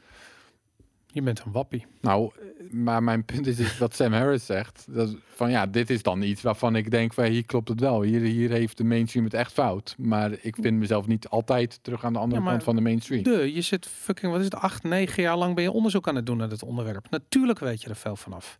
En natuurlijk word je dan een contrair denker. En dan- misschien was je al een contrair denker voordat je eraan begon. Of misschien ben je het geworden nadat je er eh, zoveel tijd in hebt gestoken.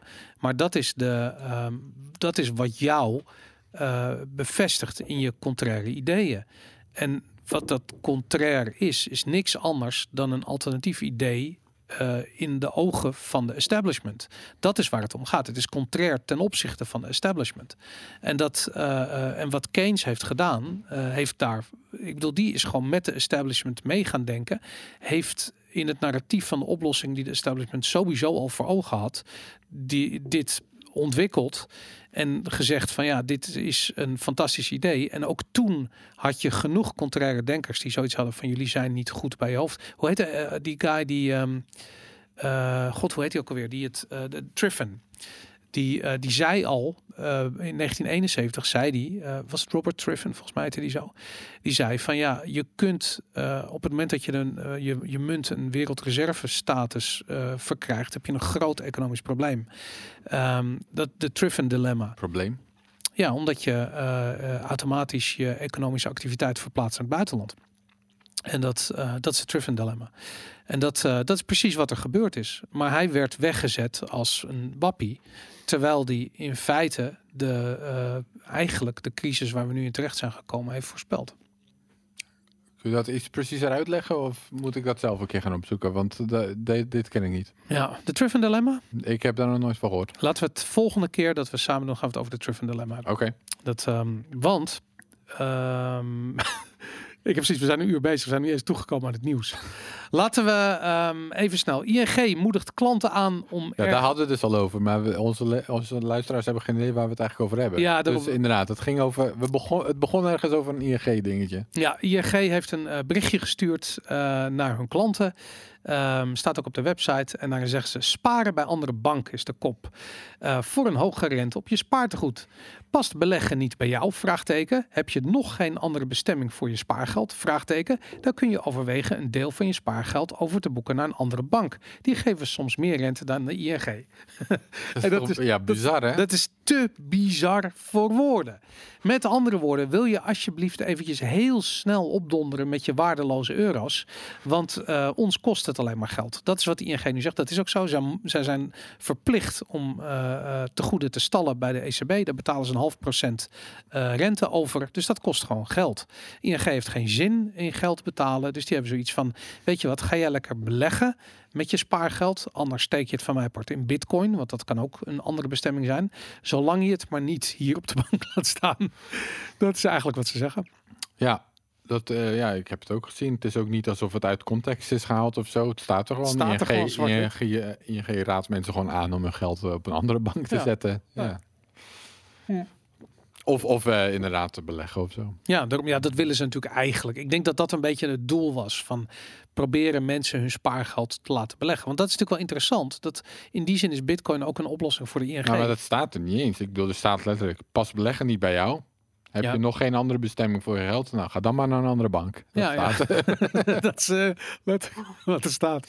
Ja, wij kunnen geld verdienen aan beleggen en eh, eh, misschien iets anders, maar dat was het. Ja, goed. Interessant. Dit eh, wordt vervolgd. Dit, eh, ja, ik, ik vind het echt onwerkelijk dat, dat dit gebeurt. Maar eh, het is aan de andere kant volledig te verwachten. Dit is wat negatieve rente doet. Negatieve rente is eigenlijk niks anders dan zeggen van geld is waardeloos geworden. En dat, dat ziet er zo uit. Waardeloos geld. Dus ehm, voor alle wappies, voor alle fiat wappies zou dit een wake-up call moeten zijn. Anyway, FinCEN, eh, zoals je weet, de Amerikaanse even knie van de, wat is het, financiële opsporingswaakhond, hoe heet het, Financial Crimes Enforcement Network. Ehm, die heeft aangesteld als nieuwe directeur een voormalige directeur van Chainalysis. En dat is interessant, want daarmee geven ze eigenlijk aan dat Bitcoin en crypto voor hun een heel belangrijke eh, speerpunt is.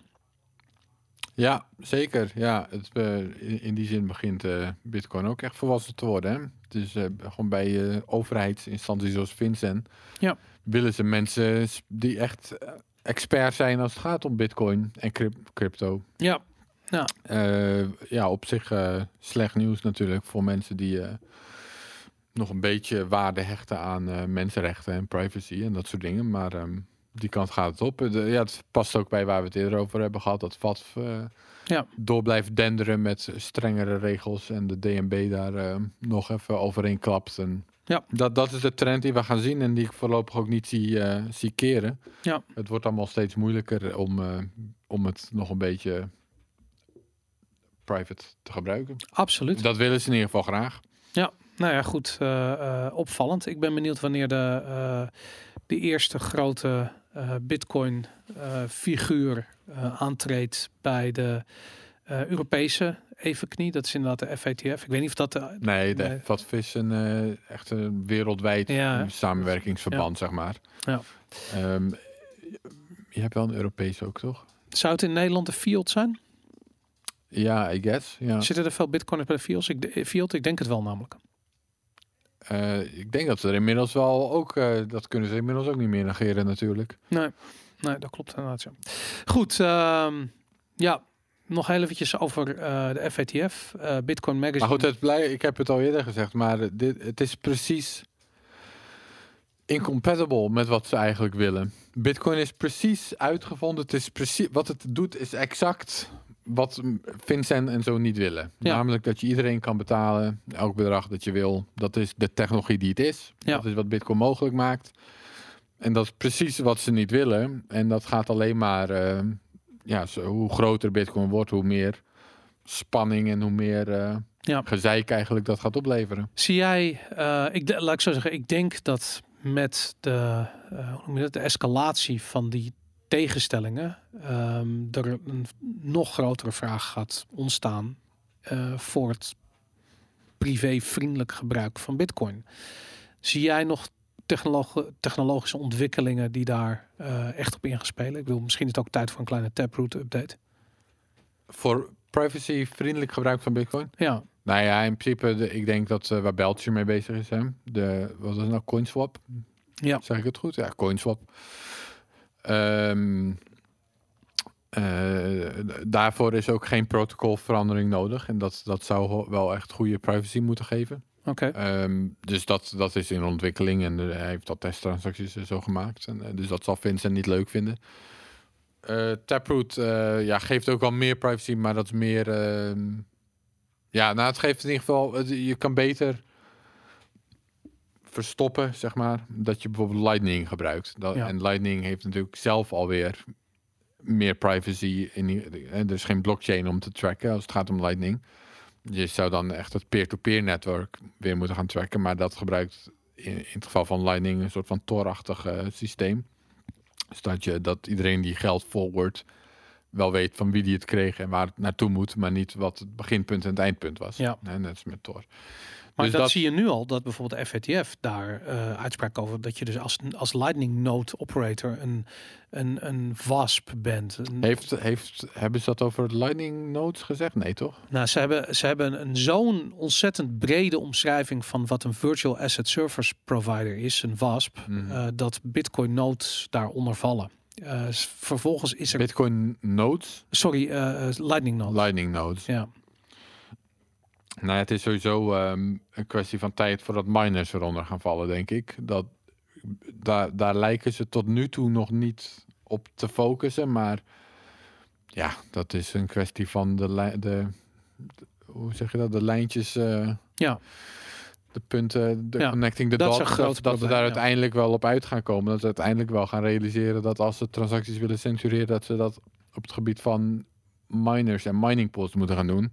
En er zijn nu al mining pools die dat vrijwillig doen. Hè? Ja. Er was er een in Noord-Amerika Ja. die dat al vrijwillig doet. Dus die dan ook lekker aan de regulators laat zien van... hé, hey, kijk jongens, het kan. ja, ja. Nou, dan is het vervolgens een kwestie van tijd, denk ik... dat ze dat ook willen gaan enforcen. Het, ver- het verbaast me dat daar niet heel snel een eh protocol upgrade voor komt. Omdat dat, dat eh, ehm, ik denk dat dit, dit is iets, dit gaat gewoon gebeuren. Nou je hebt natuurlijk wel ehm, eh, Stratum Ja. V2, Ja. wat daarmee helpt. Dus Ja. dan, eh, dan zijn het niet meer de mining pools die de transacties selecteren, maar de individuele hashers, zeg maar, die dat kunnen doen. Nou ja, dat maakt het dus alweer iets gedecentraliseerder en dus ook weer iets moeilijker om te reguleren. Maar goed, uiteindelijk, kijk, dan kunnen ze weer tegen een mining pool zeggen: je mag gewoon Stratum V2 niet gebruiken. Weet je, uiteindelijk, en dat, daarmee komen we terug op wat ik eerder heb gezegd. Ik denk dat Bitcoin het allemaal wel overleeft uiteindelijk. Maar ze kunnen het individuele individuen wel heel lastig gaan maken. Dus Ja. of dat nou exchange operators zijn, of mining operators, of lightning node operators. Ik bedoel, dat, dat, eh, dat ik- kan gewoon vervelend worden. Ik vind het ook interessant, want als je zo kijkt naar die hele situatie, dan ehm, eh, en er wordt de hele tijd gezegd, hè, Bitcoin wordt gebruikt door criminelen en terroristen en weet ik veel wat. Bitcoin is daar gewoon totaal niet geschikt voor. Het, het- Nou, daar is het wel heel geschikt voor. nou, Die ik, gebruiken dat ook echt wel. Ja, maar je gaat tot in de treuren achtervolgd worden met die transactie. Weet je, als Je jij... kan hem in ieder geval maken. Je kan hem wel maken, dat is waar. En that's it. Dan ben je al klaar, weet je. Ik bedoel, als je denkt... Nou ja, als we betere privacy tools krijgen, dan helpt dat dus ook. Kijk, het argument moet volgens mij zijn dat we hebben vrijheid van. We hebben persvrijheid, hè, dus Ja. om dat te gebruiken. Of, eh, ik, en dat kunnen criminelen ook gebruiken, dat kunnen terroristen ook gebruiken. En dan kan je ze vervolgens inderdaad proberen hè, op te sporen als mensen oproepen tot geweld of wat dan ook. Maar dat moet de volgorde zijn. Ja. Eh, de, ja, dat kan. Ehm, maar goed, eh, uiteindelijk is privacy een mensenrecht. En dat geldt ook voor financiële privacy, vind ik. Je hoeft Ja. niet per se aan iedereen op te geven hoeveel geld je hebt of wie je betaalt of wanneer. Ja. Als je niet van tevoren al, als je, als je niet verdacht bent. Ja, behalve dat we dat station inmiddels wel gepasseerd zijn. Weet je, privacy is misschien een mensenrecht, maar... ehm, Ja, maar dat moeten we helemaal niet. Dat moeten we, dan moeten we dat argument beter maken. ja, maar dat is... Dat zal uiteindelijk moeten. Net als dat men- mensen zijn gaan accepteren dat vrijheid van meningsuiting een mensenrecht is. Maar we dat, gaan ook, nu- dat is ook niet heel makkelijk gekomen. Dat heeft ook. eh, Maar daarom, dat, ik, ik ben het helemaal met je eens, maar dat is waarom ik me zorgen maak over wat er nu in China gebeurt. En wij zo meteen straks ook die social credit rating. Het zal er anders uitzien, weet je. Ik bedoel, het is niet zo dat als je hier door loopt, dat er gelijk, weet ik veel, op een groot bord je foto en je, je, je bankrekening, eh, eh, waar direct 25 euro boete afgeschreven wordt, weet ik veel. Dat, dat zul je hier niet zo snel hebben. Maar ehm, dat maakt niet uit. Je, je privacy is weg, weet je. Ze weten alles van je. Ze weten waar je... En dat is nu al zo, weet je. Ik bedoel, bedrijven hebben al toegang tot de informatie uit je bankrekening. En als jij het niet hebt gegeven, dan heeft iemand met wie je de transactie hebt gedaan het wel weggegeven. En dan, eh, ehm, ja, iedereen weet gewoon wat jij koopt. De Albert Heijn weet wat voor boodschappen jij doet. De, weet ik veel, je telefoonmaatschappij weet waar je bent. Google weet waar je bent. Iedereen weet alles van je. Er is geen privacy meer. Nee, maar dat is, kijk, volgens mij, ik heb dat, ik ga hem eens een keer voorlezen, maar de- ik heb hem als met pinned tweet ook. Mhm. Dat is een eh, quote van Eric Hughes. Eric Hughes is ehm, een van de co-founders van de Cypherpunks, hè, en die heeft dus onder andere een Cypherpunks manifesto geschreven. Ja. Eh, waarin hij onder andere schrijft Cy- Cypherpunks write code. Ja. En dat, was, dat werd een beetje het motto van de Cypherpunks. Cypherpunks write code. En wat ze daarmee wilden zeggen is... cyberpunks, wij, eh, ik spreek nu namens Eric. Eh, wij, wij zijn niet bezig met het lobbyen van overheden. We zijn niet bezig met eh, Ja. dezelfde politiek ingaan. Nee, onze manier om verandering in de wereld te brengen is door het schrijven van code. Ja. En code met code en dat verspreiden. En dat is hoe we verandering brengen in de wereld. Ja. Dat schreef hij in 1992 of 93. In 1996 was hij daar grotendeels op teruggekomen. En hij was niet de enige. Op teruggekomen is misschien een beetje overdreven, maar ik ga het dus eh, even voorlezen. Perhaps the single most important lesson I've learned from cypherpunks is that code alone doesn't cut it. Not code alone, not code widely distributed, not even code widely used. Some measure of toleration in society for activities conducted in private is necessary for long term success. Not convenient, not easier, but necessary. Nou, dan sla ik er een klein stukje over. En dat gaat over Clipperchip. En dan zegt hij. eh, legislatures will outlaw the public. The whole Clipper situation testifies to this. Unless there is a public consensus that people generally should be able to use their own cryptography, then such use will become marginalized. Legislatures will outlaw, the public will disapprove, and vigilantes will hunt down improper use. That, in my book, means we've lost. Code is clearly still necessary. Code demonstrates what actually happens. To write code is to invoke and e- evoke the latent and insufficiently articulated desires for privacy in the world at large. Similarly, with anonymous transactions. Unless a similar consensus exists, we will have another marginal activity. Again, I count this as a loss. Hè, dus wat hij schreef was: code is inderdaad belangrijk en dat moet inderdaad worden geschreven. Maar het is ook belangrijk dat er een public consciousness, dat, dat Ja. mensen gaan begrijpen waarom privacy belangrijk is. En dat mensen ook dus gaan begrijpen waarom transacties, priv- eh, private transacties belangrijk zijn. Als dat maatschappelijk bewustzijn er niet is, Mhm. dan kan je wel die code maken, maar dan ben je marginalized en dan kan je in de problemen komen. Het, Ja. het, het is belangrijk dat mensen het ook gaan begrijpen eh, in een maatschappij bredere zin. Ja. Naast het feit dat we de code moeten hebben om dat te realiseren. Nou, en dat is. eh, En daar zijn we is- nog verre van. Ja, en dat maakt het cirkeltje rond. Want dat is namelijk ook waarom ehm, eh, het woord wappie een bedreiging is. Want op het moment dat eh, een soort content domein zoals Bitcoin eh, wordt bestempeld als het domein van wappies, zul je daar niet zo makkelijk eh, in, gaan, ehm, eh, in gaan verdiepen. Het voordeel van Bitcoin is dat al die wappies wel straks in Lamborghinis rijden en iedereen zich afvraagt hoe komt dat eigenlijk? En dat is dat die number co-op technology toch wel heel erg ehm, ja, hoe noem je het? Heel erg een bepaald net, viraal netwerkeffect heeft. Waar mensen eh, gevoelig voor zijn. Dus dat is het voordeel. Maar goed. Ja, eh, volgens mij eh, schreef, eh, ik zag een tweet van Severdien ook, volgens mij, die wel zoiets zei dat de fiat brains, zo kwam ik überhaupt bij die term, uh-huh. dat die, die hebben nog steeds de indruk dat alles alleen maar beslecht wordt op basis van argumenten en discussie. ja, Terwijl zoiets als bitcoin kan ook beslecht worden door, op middel van incentives. Dus Ja. dat mensen gewoon eh, gaan inzien dat bitcoin toch wel handig is om te hebben en te gebruiken. Je gaat gewoon zien dat het de beste raket is. Dat is eh, Precies, en dan, en zeker dan op de kunnen de fiat Ja. brains zeggen wat ze willen, maar absoluut. Goed. niet per se de doorslaggevende factor. Nog één, ehm, één dingetje hier over de Amerikaanse Belastingdienst, de IRS, heeft Kraken opgeroepen, de, de Kraken Exchange opgeroepen, om alle ehm, eh, eh, gegevens van Amerikaanse traders die meer dan 20.000 dollar aan Bitcoin hebben getrade tussen 2016 en 2020 te delen met die Belastingdienst. Mocht je daar eh, tussen zitten, eh, het, is in, het is sowieso interessant hoe ze een onderscheid maken tussen Amerikaanse gebruikers en bijvoorbeeld Nederlandse gebruikers. Ehm, daar komt al die KYC-toestanden waar je doorheen hebt moeten worstelen, speelt daar een rol in. Uh, maar we hebben al eerder gezien dat nadat uh, de IRS dit soort uh, informatie van Coinbase heeft gevorderd, dat die informatie ook terecht kwam bij de Nederlandse Belastingdienst.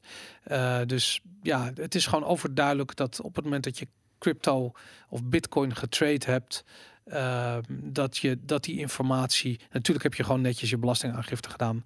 eh, maar dat wil niet eh, zeggen dat die informatie niet ook nog eens een keertje via deze weg bij de Belastingdienst terechtkomt.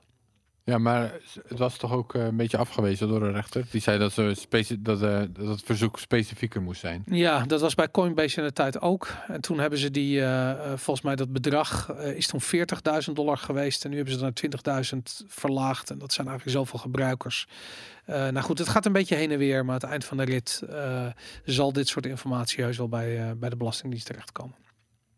Ik ben benieuwd of dat ook in Nederland gebeurt. Of eh, eh, de Belastingdienst aanbelt bij, weet ik het, bij Bitonic en BTC Direct en weet ik veel wat je allemaal hebt. Om te vragen of dat... ehm, Eh, nou, in Nederland werkt het natuurlijk sowieso anders. Want volgens mij in de VS is het dan zo dat op het moment dat je je bitcoins verkoopt, dus dat is eigenlijk de taxable event. Ja, Terwijl in Nederland is dat niet zo. we hebben In- dat niet. Nee, in Nederland werkt het anders. Dus denk ik, ik denk dat ze daarom die records opvragen daar. En dat dat hier dan minder zin zou hebben, Ja. neem ik aan. Dit is gewoon Maar het goed. equivalent van weten of je wel of niet een vakantiehuisje in Frankrijk hebt wat je opgeeft aan, in je box 3. Dat is eigenlijk een beetje dingetje. Goed, ehm heel even door naar Strike. Ehm, Strike is dat project van Jack Mallers. Eh, hij maakt het samen met Visa mogelijk om eh, direct van over de hele wereld eh, fiat naar elkaar te sturen. Dat maakt gebruik van het Lightning-netwerk, maar je mag ook het gebruiken om direct satoshis te sturen of fiat naar satoshis of satoshis naar fiat, wat jij wil. Alles is mogelijk. Ehm, Strike heeft eh, ehm, eh, een app eh, die is gelanceerd nu in El Salvador. El Salvador is de plek waar je de Bitcoin Beach hebt. Een soort, soort experimentele gemeenschap waar ze, waar ze alles met Bitcoin betalen. Ehm, en hij heeft gezegd, de volledige EU-support is next. En daar word ik zo enthousiast van, Aaron.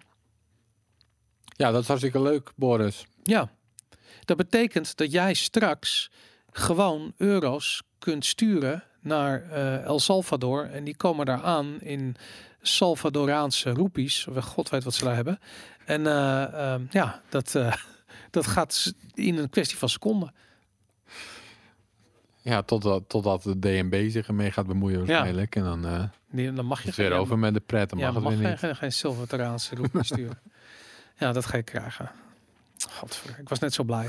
Ik ben benieuwd wat dat hier, want dit gaat natuurlijk tegen alles in waar de, waar de DNB voor strijdt. Eh, ik ben heel erg benieuwd hoe ze dat eh, gaan doen. Strike is wel een initiatief wat zich heel erg houdt aan lokale regelgeving. Ik denk eerlijk gezegd dat wij in Nederland gewoon Strike niet kunnen gebruiken. Wij zijn een van de strengste eh, Bitcoin landen. Ehm, dus ik denk ook dat Visa absoluut zich wel zal houden aan die regelgeving van de DNB. Dus gewoon dit niet zal faciliteren. Eh, misschien kun je Stripe gebruiken om satoshis naar iemand anders te sturen. Dat zou kunnen. Maar goed, daar heb je Strike niet voor nodig natuurlijk. Ja, je zei het eh, in het begin toen we het erover hadden, zei je dat mensen, Nederlanders dan de buitenlandse exchanges gaan gebruiken. Omdat ze in Nederland al dat gezeik hebben.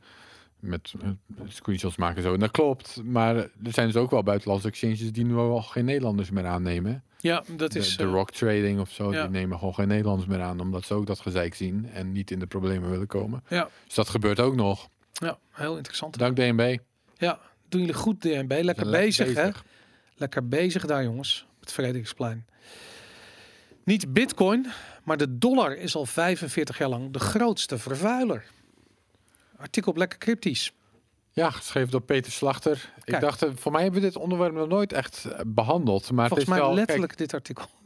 Nee, zeker niet. Ja, het is al van 16 maart. En volgens mij heeft eh, ja, Jan het is al wel. Nee, nee. Oh. Nee, hij stond in de show notes, maar toen brak corona Oh, hieruit. hier op de hebben we het al niet over gehad. meer gedaan. Ja, dat Dus ik klopt. dacht, ik zet hem gewoon weer in. Oké, ja, dat is het. Kijk, dit is nou typisch een onderwerp. Dit klinkt heel erg als een conspiracy theory, maar het is behoorlijk waar. Oh ja, Ja, dus dat gaat over. waarom? ehm, Omdat die wappie van een Peter Slachter dit geschreven heeft. de, de Wappiebroers. Dat zijn echt wappies, zeg. Wat een wappies zijn dat. Maar goed, zo werkt het dus. Maar goed, Ehm, wat, wat, wat, wat, wat, wat, hoe, hoe vervuilt de dollar? Nou, nee, laten we eerst even gewoon eh, dit, dat idee van de petrodollar bespreken. Oké, Eh, dus dat, kijk, in 1971 is de, de, eh, kwam, was er niks in shock. En we, dus tot dat moment had je de Bretton Woods eh, Agreement. ja. Dus dat wilde zeggen dat dollars altijd inwisselbaar waren voor goud. Ja, Eh, 35 dollar voor een ons goud, als ik, het, eh, als ik het goed zeg. ja. En dan zou de dollar vervolgens als wereldreservemunt gaan fungeren. Oké. Dat was de afspraak sinds Ja. de Tweede Wereldoorlog. Dus hè, iedereen gebruikt dollars in principe voor internationale handel. Ja. En op het moment dat je die dollars wil inwisselen voor goud, dan eh, belde je de US Treasury En dan en mocht dan, dat. en, en dan mocht dat. Oké, nou op een gegeven moment gingen de, de VS in de jaren 60 wel heel erg veel geld uitgeven aan, eh, aan de moon, eh, moon race, on de space race onder En de andere. Vietnamoorlog. Bleek toch wel duur te zijn, die studio in de woestijn. Ja, zeker. Het kostte miljarden. Eh, en de Vietnamoorlog inderdaad. Dus het begon eh, behoorlijk op te lopen allemaal. En ehm, sommige landen die vertrouwden het zaakje niet helemaal meer. Die dachten, ja, zoveel, hebben jullie wel zoveel goud om dat allemaal te kunnen dekken? Frankrijk onder andere, de Gouy, heet die zo, volgens mij, die president toen. De Goei? Ja, De Gaulle. De Gaulle, spreek het verkeerd uit? Ja. Waarschijnlijk. Eh, Charles de Gaulle. heel goed. Nou, die begonnen hun dollars weer in te leveren en die wilden gewoon een goud zien. Ja. En toen heeft Nixon, dus op een gegeven moment, de, de Nixon-shock, die heeft dat uitgesteld. Die heeft gezegd, oké, voorlopig even niet. Het eh, gaat iets te hard nu. Dus we, we, we stellen even uit dat mensen hun, eh, dat land, de mensen hun, geld kunnen, hun goud kunnen terugkrijgen. Hun dollars kunnen inwisselen voor goud. Vanaf dat moment hadden we dus feitelijk, want hij zei uitstel, nou dat zet- zetten we nog steeds op te wachten, komt natuurlijk nog meer terug. Hm. Dus vanaf dat moment hadden we feitelijk gezien een fiat-standaard. Dus ongedekt geld wereldwijd. Nou, dat deed het vertrouwen in de dollar ook niet heel erg goed. Dus toen eh, was er een andere oplossing nodig. Er moest een of andere oplossing worden gevonden, zodat mensen nog steeds de dollar zouden willen hebben of vertrouwen of eh, waarde zouden geven. Nou, die oplossing is toen in 1973 eh, tot stand gekomen ten tijde van de, de oliecrisis. Hè, dus toen had je de, Egypte was in oorlog met Israël, of Syrië en Egypte of zo allebei, of nou, vooral Egypte volgens mij in oorlog met Israël. En toen hebben de OPEC-landen, die zijn toen, eh, eh, die, die hebben een olieboycott begonnen tegen eigenlijk alle bondgenoten van Israël, waaronder Nederland. Dat was toen nog die eh, tv-uitspraak van Den Uyl. Dat was de... Ik weet, ik kan me Dus- nog gewoon herinneren, man. Oh, echt? Ja. Ik speelde op straat. Ik woon een hele drukke weg en dan kon ik spelen. Ja, toen kreeg je nog zondag, eh Ja, was autovrij vrij zondag. zondag. Dat, Dat, ja, dingen. ja, Ja, nou, dat was zo allemaal vanwege die oliecrisis toen. Ehm, en eh, toen op een gegeven moment heeft Nixon, die heeft minister van Buitenlandse Zaken of zo, of secretaris, een of andere Amerikaan, naar Hm. Saoedi-Arabië gestuurd om een oplossing te vinden.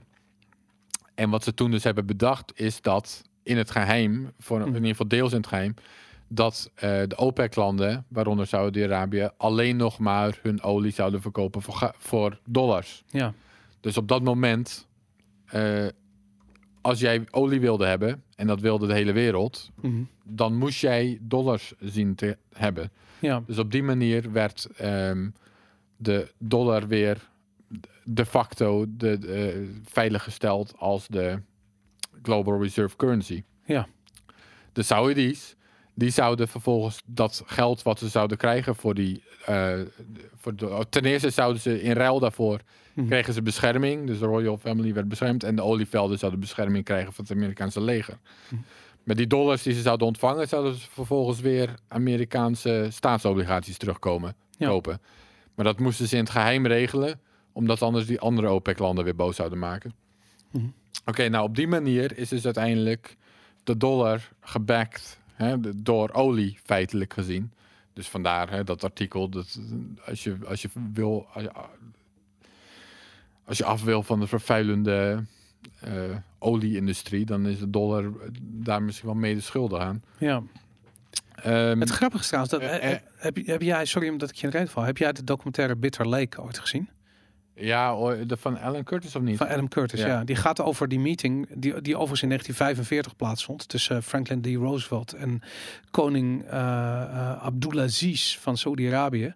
En je hebt iets dat heet Bitter Lake. Het is echt een meer. En daar vond die meeting plaats. En daarin is eigenlijk het grondwerk gelegd voor die deal. Waar dus ook later die petrodollar op gebaseerd werd. Maar goed, sorry dat ik niet van. Nee, ja, goed, we waren bijna... Kijk, we, en dan het laatste stuk is... En dan komen we een klein beetje in conspiracy... Alles tot nu toe is gewoon bevestigd, hè? Dit is, Mhm. dit is helemaal geen... eh, Ja. Dit, dit, dit is gewoon waar. Dit, is, eh, Dat zijn gewoon feiten. dit zijn gewoon feiten tot nu toe. Waar het een heel klein beetje conspiracy-achtig wordt... Mhm. Of misschien zullen sommige mensen heel erg eh, conspiracy-achtig zeggen. Dat is dat op het moment dat sommige... Bij, rond de eeuwwisseling Mhm. wilden een aantal landen van deze deal af. Want het is nogal nadelig voor je als je. Het is eigenlijk nadelig voor de hele wereld als één land. eh, Jij zei net tegenovergesteld, maar als één land eh, het voordeel heeft van de World Reserve Currency. Ze zijn niet te tegenovergestelde. Maar eh, ga door. Oh, oké. Nou, dan zijn, nou, in ieder geval, een aantal landen wilden daar vanaf, zoals Saddam Hussein Ja. in Irak. Die wilde olie gaan verkopen voor euro's. Ja. Ehm, en een paar jaar later is de- daar een regime change geweest. Ja. En vlak na die regime change is het weer teruggedraaid en werd het de olie... Werd de Libië, olie exact hetzelfde. Libië precies hetzelfde. Dus de officiële redenen daarvan, hè, in het geval van Irak, dat hij zou dan iets te maken hebben gehad met. Je bedoelt dat de Golfoorlog te maken heeft met olie? Dat meen je toch? Jij bent echt een wappie, man. Dat zijn toch Bij- geen feiten? Ja, nou ja, dit is dus precies. Nee, ik pest je, maar Nee, het dat, is- we- dat weet ik. de hele wereld snapt toch dat dat zo is. Dat...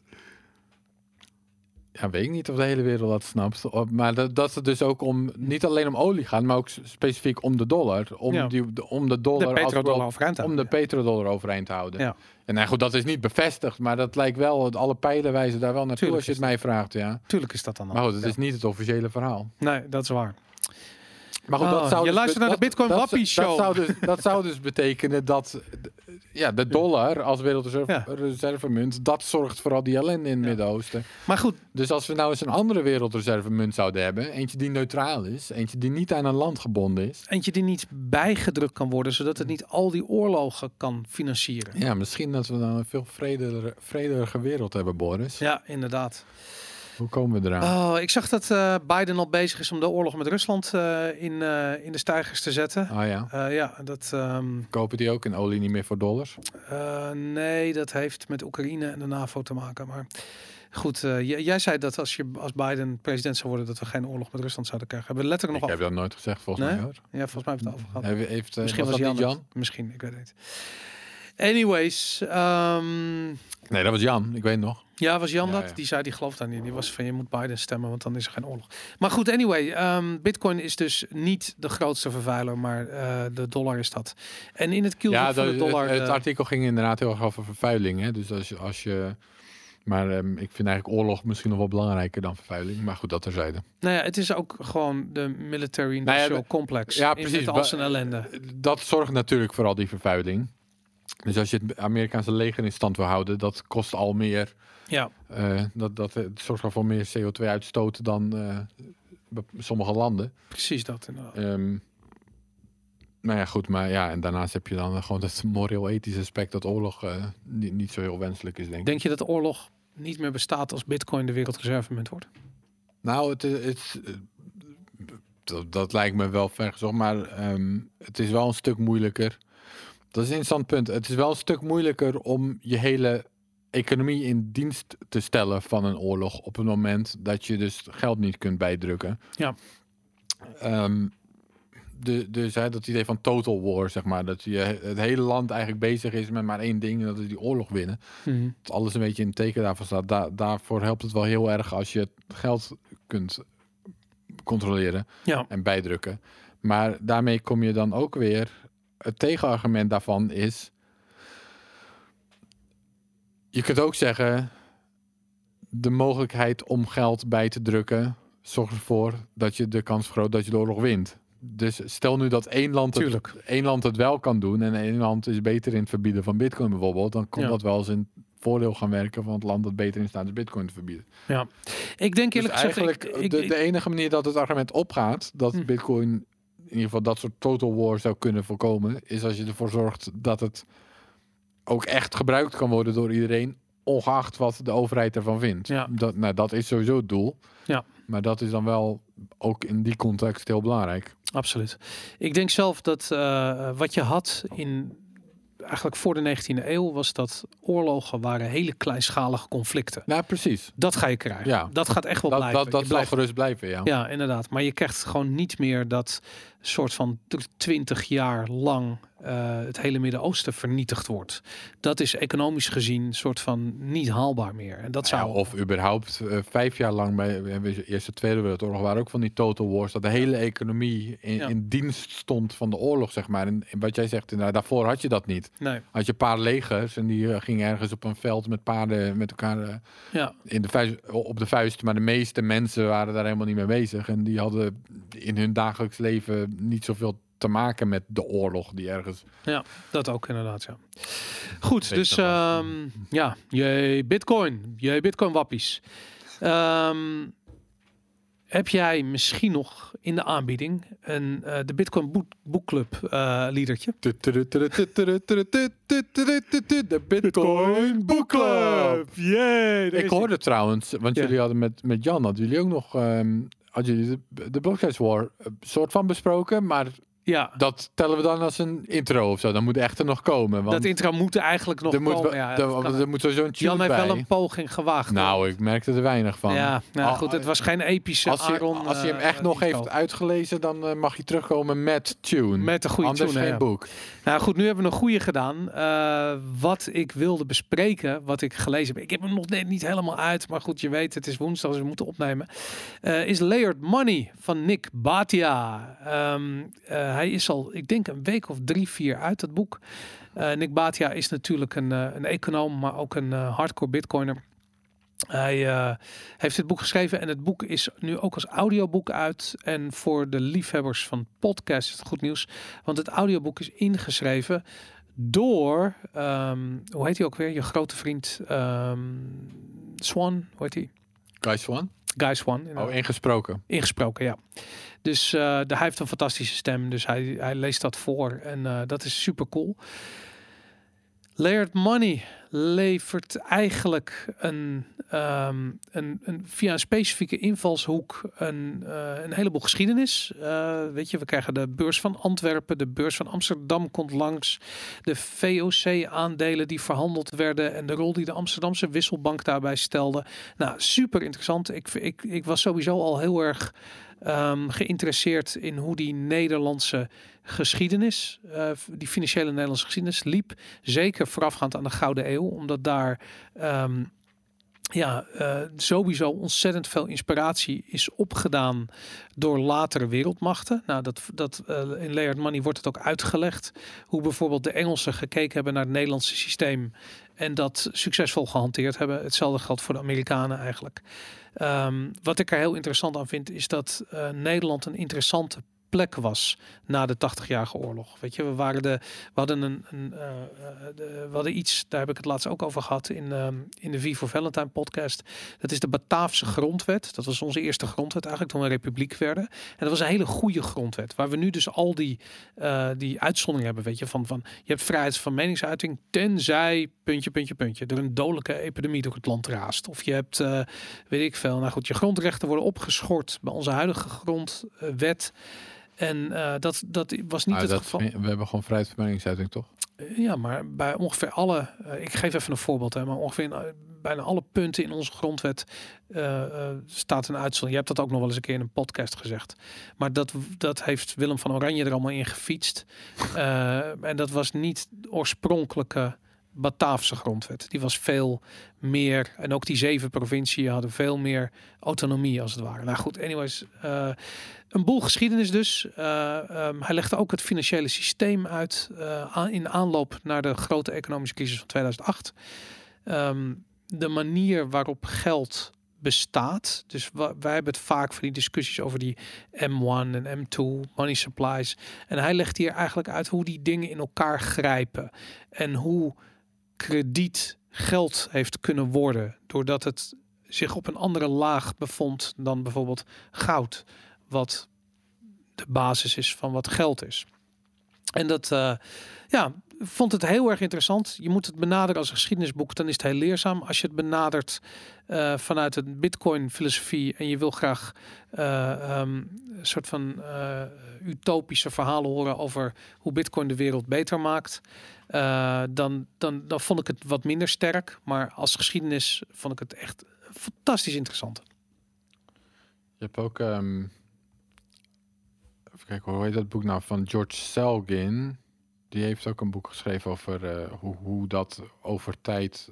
Dat gaat over free banking. Voor mij heet het boek gewoon iets, iets met free banking in de titel. Ja, Eh, The Theory of Free Banking. Daarin, daarin legt hij ook eh, heel erg stapsgewijs uit hoe je van base money en dan in principe goud, al, geloof ik niet dat hij dat specifiek zo zegt, maar hoe je dan inderdaad een heel krediet, hoe, hoe een bank, eh, een financieel systeem vanuit daar kan ontwikkelen met alle, met, inderdaad met kredietsystemen en alles erop en eraan.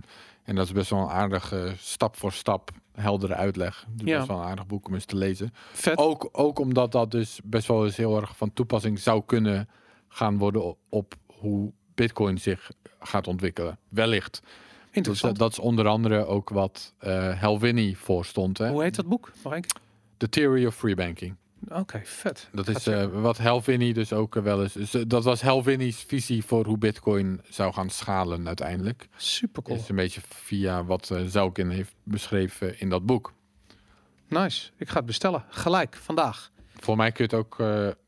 Voor mij staat het gewoon ook op PDF online of zo. Ah, ja, daar- maar jij wilt altijd. je hebt wil audiobooks. Ja, Ja, daar oké. Nou, dat, misschien is dat er ook wel. Cool. Nou, eh, eh, interessant. Eh, Aaron, ehm, ik denk dat we aan zijn gekomen bij het einde van deze... Wat is het eigenlijk? De 89ste Bitcoin Show? Ja, 88, 89. 88 denk ik. Nee, 89. 89. Foutje gemaakt, ja. Dus Ja, de ja. 89ste Bitcoin Show.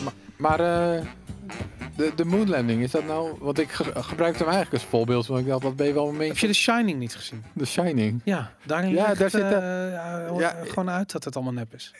Eh, Kom nou maar door er- met er die zit- muziek. er Die muziek mag doorlopen, Er jongens. zitten allemaal hints in, inderdaad. Ja. Dat die, eh, hoe heet die regisseur nou? Eh, Stanley Kubrick. Stanley Kubrick. Die Maar heeft de eh, maanlanding gefilmd. Maar heb je dan ook wel eens de documentaire The Dark Side of the Moon Ja, gezien? zeker, ja. Heb je die gezien? Ja, tuurlijk. Ja, maar dat... Nee, ik wil niet spoilen voor de Nou, luisteraars. goed. Anyway, ga dat ook kijken. Dit was de 89e Bitcoin Show. Dankjewel voor het kijken en luisteren. Vergeet niet te liken en subscriben. Je bent het wel. Later! Strong hand, everybody!